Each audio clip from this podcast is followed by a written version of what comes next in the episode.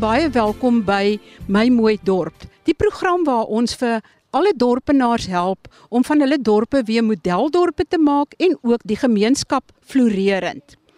In hierdie reeks gesels ons oor hoe om jou dorp weer mooi te maak deur dit te verboom. Met ander woorde 'n groenigheidjie aan te plant. Ons het reeds in die eerste twee programme met Dr Erns van Jaarsveld, voorheen van Kirstenbos en nou van Babylon Stoorn gesels oor algemene indrukke oor hoe mens bome kan aanplant en watter bome in watter dele van die land kan aard. Ons gesels vandag verder oor algemene indrukke oor boomaanplanting en dan begin ons streek vir streek te kyk watter bome in watter streek aard. En die eerste streek wat ons gaan bekyk is die Bosveld Laagveld bioom.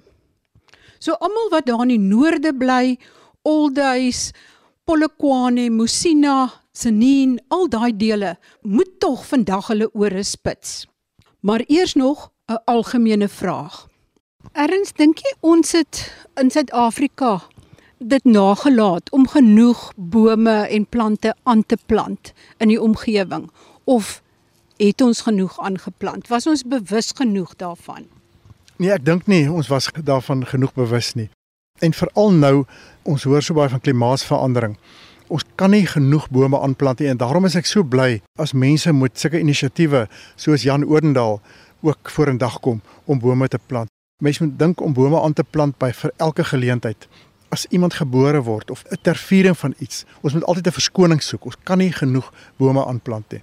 Dit dit vervraai ons gewing, dit bied uh, voedsel vir die diere, vir soveel as ek dink dink aan die ou heilboerboom, aan suikerbekkies en ander diere, aan meubelhout en ander goed. So 'n boom kan altyd weer herwin word as hy oud en hy val om, dan kan sy hout weer gebruik word vir vuurmaakhout. Bome word vir soveel dinge gebruik, maar die grootste natuurlik is om uh, ons lig te suiwer en om suurstof te produseer en die koolsuurgas weer op te neem en so te bind.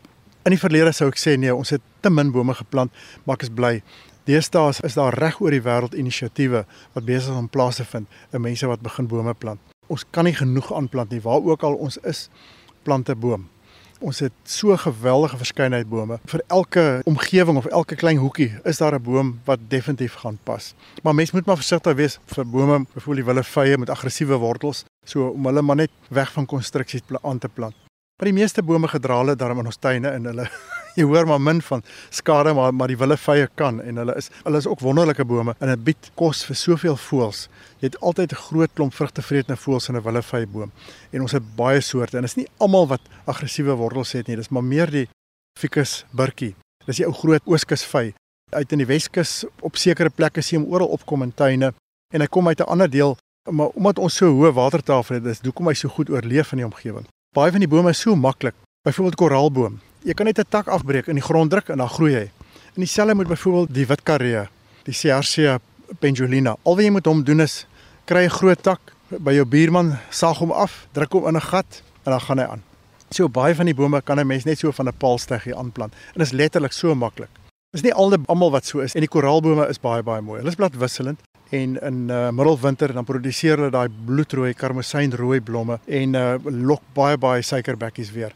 Ons het die die gewone ou koraalboom wat wat in die noordelike dele van die land voorkom, Erythrina lysistemon, uit die mooi bloedrooi blomme, maar in die Ooskaap het jy meer die oranje rooi, het 'n baie breër blom en hy's meer aangepas by die kus uh om hom te gebruik, maar enige van daai koraalbome kan 'n mens net van 'n stuk stam indruk. So om terug te keer na jou vraag oor die bome, ons kan nie genoeg bome aanplant vir ons land nie. Ek dink byvoorbeeld ook aan ons pragtige ou geelhout. Die ou Podocarpus falcatus, die gewone ou kalander. Hy's 'n baie droogtebestande geelhout van al die geelhoutsoorte. Hy's ongelooflike droogtebestand en hy kom in so baie dele voor van ons land.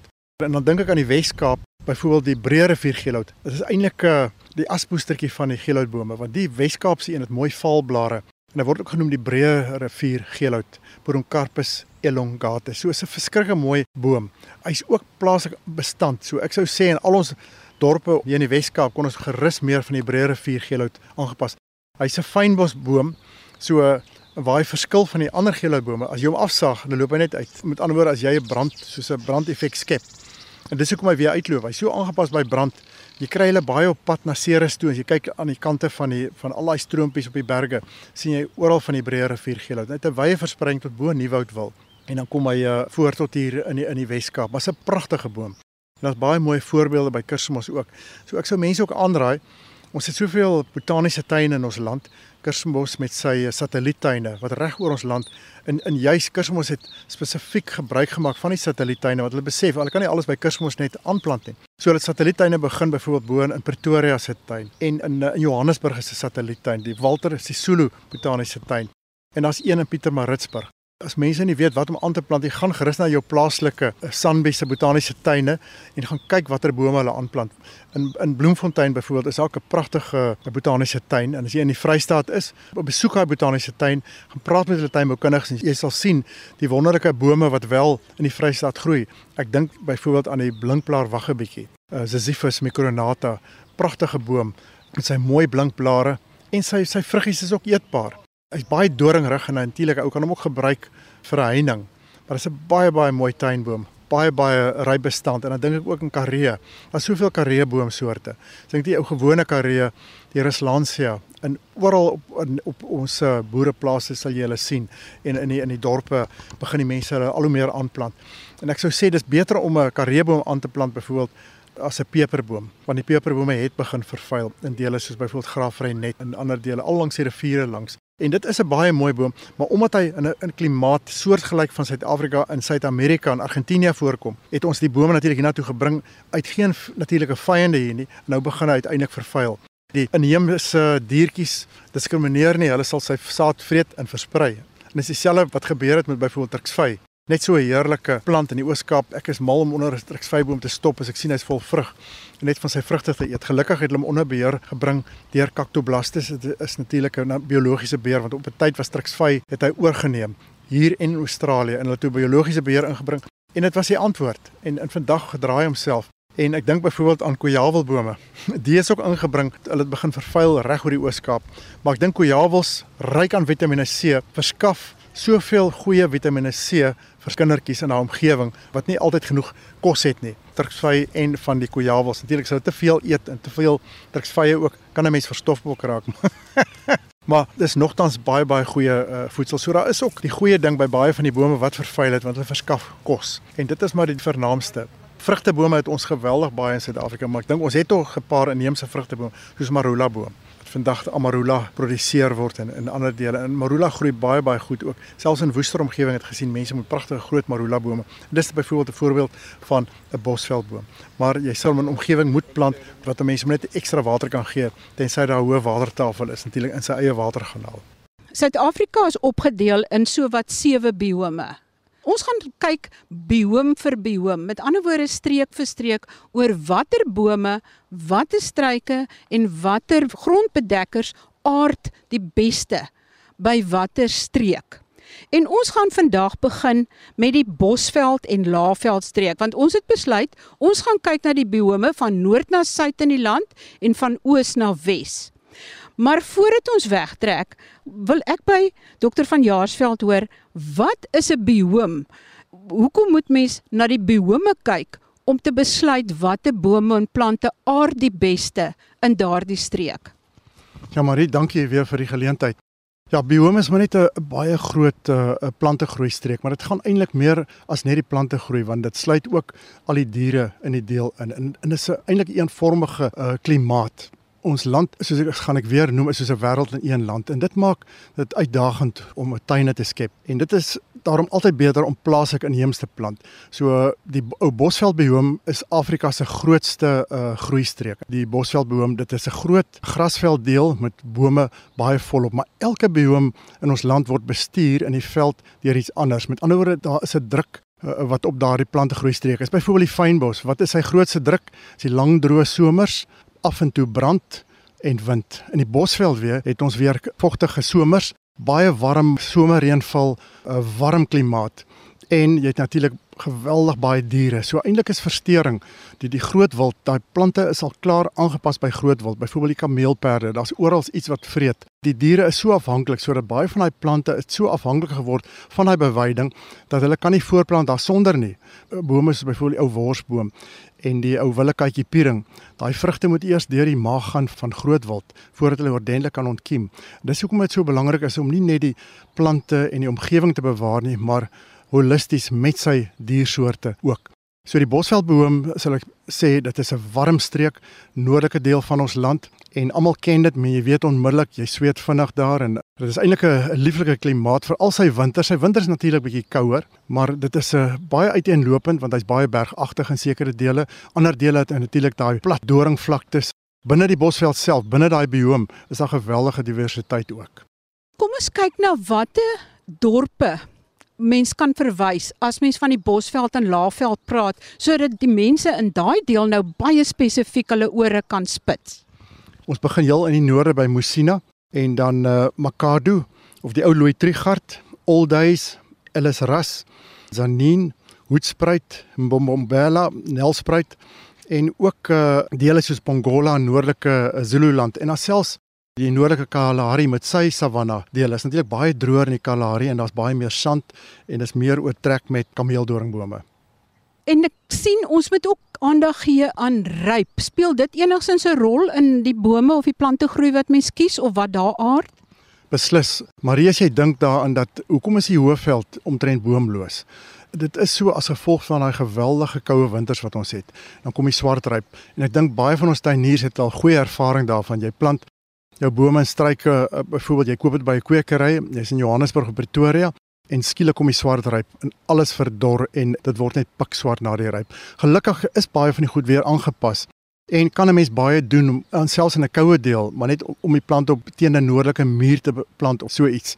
So ryp is 'n geweldig belangrike faktor En daarom is dit beter maar om in die laafveld jou laafveld se goed aan te plant en nie jou laafveldboom te probeer plant op hoëveld en tensy jy natuurlik dit in 'n houer kan inbring soos baie mense doen met hulle impala lelies in die op die hoëveld bring hulle net binne huis gedurende daai koue fronte wat ons so goed ken.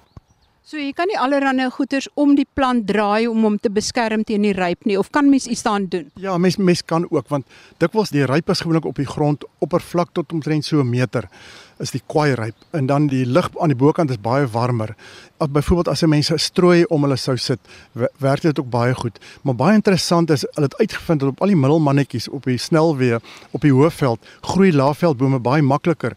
Omdat daar voortdurende beweging is van die lug, word daai lug koue lug versteur en dan dan kry hulle nie meer daai ryp nie. En daarom sien 'n mens dikwels van die bosveldbome tog in dele soos Johannesburg en selfs van die ou wille piesangs uh, wat mense sou gedink het lankal moes gevrek het en dit is as gevolg van daai turbulensie wat wat sorg dat daai yskoue lug wat die ryp veroorsaak dan meng met die warmer lug en so spring hulle daai ryp vry.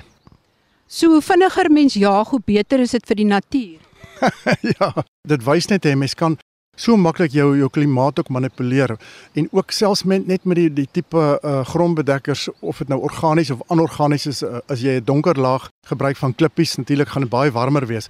En ons stede byvoorbeeld Johannesburg met al daai baie geboue en beton is eintlik baie warmer as wat dit moet wees want ons skep 'n mikroklimaat. En so het ons ook gesorg dat baie van die bome wat ons vroeër nie kon aankweek nie het wel daar geaard. En selfs van jou jy kan nie glo nie van die bosveld diere daar ingetrek nagappies in Pretoria oral het in huise begin intrek en hulle dakke party mense weet dit nie eers nie. Dis alles bosveld diertjies omdat ons daai kunsmatige bosveld om Pretoria Johannesburg geskep het vind hulle nou 'n uh, wonderlike tuiste. En soveel bosveld voëls het byvoorbeeld in beweeg ook in ons stedelike gebiede. En dit is eintlik 'n wonderlike ding hè. Voëls is opportunisties. Dink maar aan die Haridas hulle het saam met ons Kaap toe getrek. Hulle was nooit daar. As kind het ek hulle goed geken op die Hoofveld maar hier onder in die, die Weskaap het hulle baie later eers aangekom want ons skep hierdie geweldige groot grasperke golfbane en daarop floreer die die Adidas want hulle druk hulle lang snavels in 'n baie sensitiewe tong voel die aardwurms aan en so skep ons vir hulle habitat en baie kos en hulle help weer vir ons deur molkrieke uit te rooi en ander goed. Ja, so al is die Adidas se skree dalk baie skril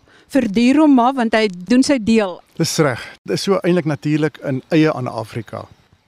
Dit is ook interessant dat daar verskeie bosveldplante is wat nou oral oor die wêreld bekend is en ook op ander dele in die wêreld gekweek word juis omdat hulle so mooi en uitsonderlik is. Kan jy ons meer vertel daarvan? Ja, Marie, elke streek van ons land het eintlik internasionale bydrae gelewer met plante wat in suurtuinbou opgeneem is. En as ek nou dink aan eerstens die ou Barberton se madeliefie wat vandag gekruisteel word reg oor die wêreld. Jy kry die mooiste kultivars, al die kleure. Jy kan amper nie glo wat hulle gedoen het met daai Barberton se madeliefie. Ek dink byvoorbeeld aan die vlamlelie of Gloriosa superba. Daar word vandag ook baie met hom gewoeker, meestal bloedrooi blomme en dan ook party van hulle is goud kleurig. En as ek dink ook aan die ou koraalbome wat reg oor die wêreld gewild is. Ons Erythrina lysystem on die Bosveld koraalboom met sy pragtige koraalrooi blomme. Ek dink aan uh, die mooi ou koorsboom met sy ligeel stamme. Hulle het baie gewild geraak in ander dele van die land. Dan byvoorbeeld die Afrika Timie ook, Coles amboinicus en dis 'n wonderlike vetplant eintlik, maar is 'n baie maklik kweek wat mense op jou slaai kan gebruik. So baie van hierdie plante in die Bosveld het ook ander gebruike as net vir vraaiing van ons tuine. Maar hoe meer ons kan vergroen hoe beter want vergroening beteken man net eintlik die plante kan fotosinteer, hulle suiwer ons lug. Hulle neem die koolsuurgas uit ons atmosfeer uit en hulle gee aan ons suurstof. Erns, kan jy dalk vir ons vertel wat is die tipies kenmerkende styl van die Bosveld? Wat het tipiese bome, struike, grondlaag? Wat is daai prentjie wat mens sien as mens daar is? Die en dan vertel jy vir ons meer van die algemene bome en plante wat daar is. Dis reg so Marie. Eerste ding wat 'n mens opval as jy as jy in die Bosveld deel is, dan sien jy daai pragtige boomvorms en hulle is mooi en, en dikwels is dit sambreelvorms en ek dink ek aan die ou naboom wat omgekeerd keelvormig is. Dit is daai tipiese vorms, maar onder dit kry jy dan 'n laag ook van struike, dikwels plante soos kruisbessie en onder die struike dan kry jy weer grondbedekkers, byvoorbeeld skoonmasse tonge en ons van baie van die kleiner alwynsoorte wat wat pragtige grondbedekkers uh, vorm onder hierdie doringbome. En uh, baie van die bome is bladwisselend. So in die winter is dit eintlik ook baie mooi want 'n krematarboom in die somer lyk nie so mooi nie want jy sien nie eintlik 'n mooi vet stam van hom nie, maar winters is al daai blare af en dan sien jy daai pragtige wonderlike stam. So die winters in die Bosveld is ook baie baie mooi. Maar as ek nou terugkeer na die verskillende bome en plante Ek dink een van die belangrikste dinge ook in daai deel is grond. Jy kan eintlik amper jou plante groei lees afhangende die grond. En in die bosveld kry ons verskeie grondtipes. Natuurlik klei. As jy op 'n doringvlakte afkom, jy maar weet dis klei, want die doringbome is aangepas hulle klein blaartjies en die probleem met klei is daar's genoeg kos binne die klei. Maar as dit nou reën, dis moeilik vir die plante om daai water uit die kleigrond te trek omdat daai klei daai water so vashou en daarom kry jy baie droogtebestande bome soos die akasia. So oral op die turfvlakte noord van Pretoria is 'n tipiese kleigronde, maar dan gaan jy oor na die sandveld toe. Jy kan dit sien in die Kruger Wildtuin ook. Groot dele het jy knoppies doring en marula op jou klei en dan gaan jy oor na sanddeel en skielik het jy die pragtige valbos en uh, ander raasblaarsoorte. En die raasblaarsoorte het weer groot blare want die sand, dis vir die plante baie maklik om daai water te onttrek. Die probleem met sand is dit verdwyn baie gou onder die grond en die bome moet natuurlik baie dieper wortels sê In 'n tuin opset het ek gevind plante is nie so voorkeurig nie as 'n mens net bietjie ekstra water gee, maar as jy 'n sanderige deel het, kan jy wonderlike plante aanplant en as jy klei het, is daar baie plante wat by die klei aangepas is, ek genoot baie van die mooi goed. So kom ons begin by die vestiging. In die ve vestiging sou ek sê ons begin by die pioniers. En, en dit is net soos by pioniers, enige pioniers, eerste pioniers wat in 'n plek in beweeg. En as jy verstoring in die veld het in die bosveld, jou pioniers is gewoonlik die plante wat eerste terugkom. Hulle groei baie vinnig en hulle heel eintlik die veld. En as ons begin dieselfde ekologiese benadering toepas om daai veld te genees in ons tuine, net soos dit gebeur in die veld, des te beter. Almal wil altyd 'n kitstuin hê en ons kan 'n kitstuin hê. So in die bosveld deel is daar baie vinnig groeiende plante en as ek dink byvoorbeeld aan die koorsboom. Vinnige groeiende boom, is nie baie lank lewend nie, maar hy is so mooi met daai geel stam effek. Net noem in die ou dae hoekom hulle hom koorsboom genoem het natuurlik die mense wat ingetrek in die laafveld het malaria gekry en hulle het gedink dis daai poeier op die stam wat hulle koors gee. Volgende week gesels ons verder oor die spesifieke plante wat in die Bosveld Laafveld bioom aard en daar aangeplant kan word. Dokter van Jaarsveld het nou begin om te praat van pioniersbome, maar wat so interessant is, is dat as jy jou tuin begin beplan, moet jy eintlik eers 'n prentjie teken van hoe jy wil hê jou tuin of die park of wat jy ook al wil aanplant moet lyk. En dan begin jy te teken waar daar bome moet wees. En dan van daai bome om so vinnig as moontlik jou tuin te vestig kan jy pioniersbome aanplant. Dit is die bome wat vinnig groei, wat in die streekaard vinnig groei en vinnig die idee van koelte en 'n tuin skep. En dan plant jy terselfdertyd en dan te plant jy terselfdertyd ook bome aan wat stadiger groei, dan die struike en dan die grondbedekkers.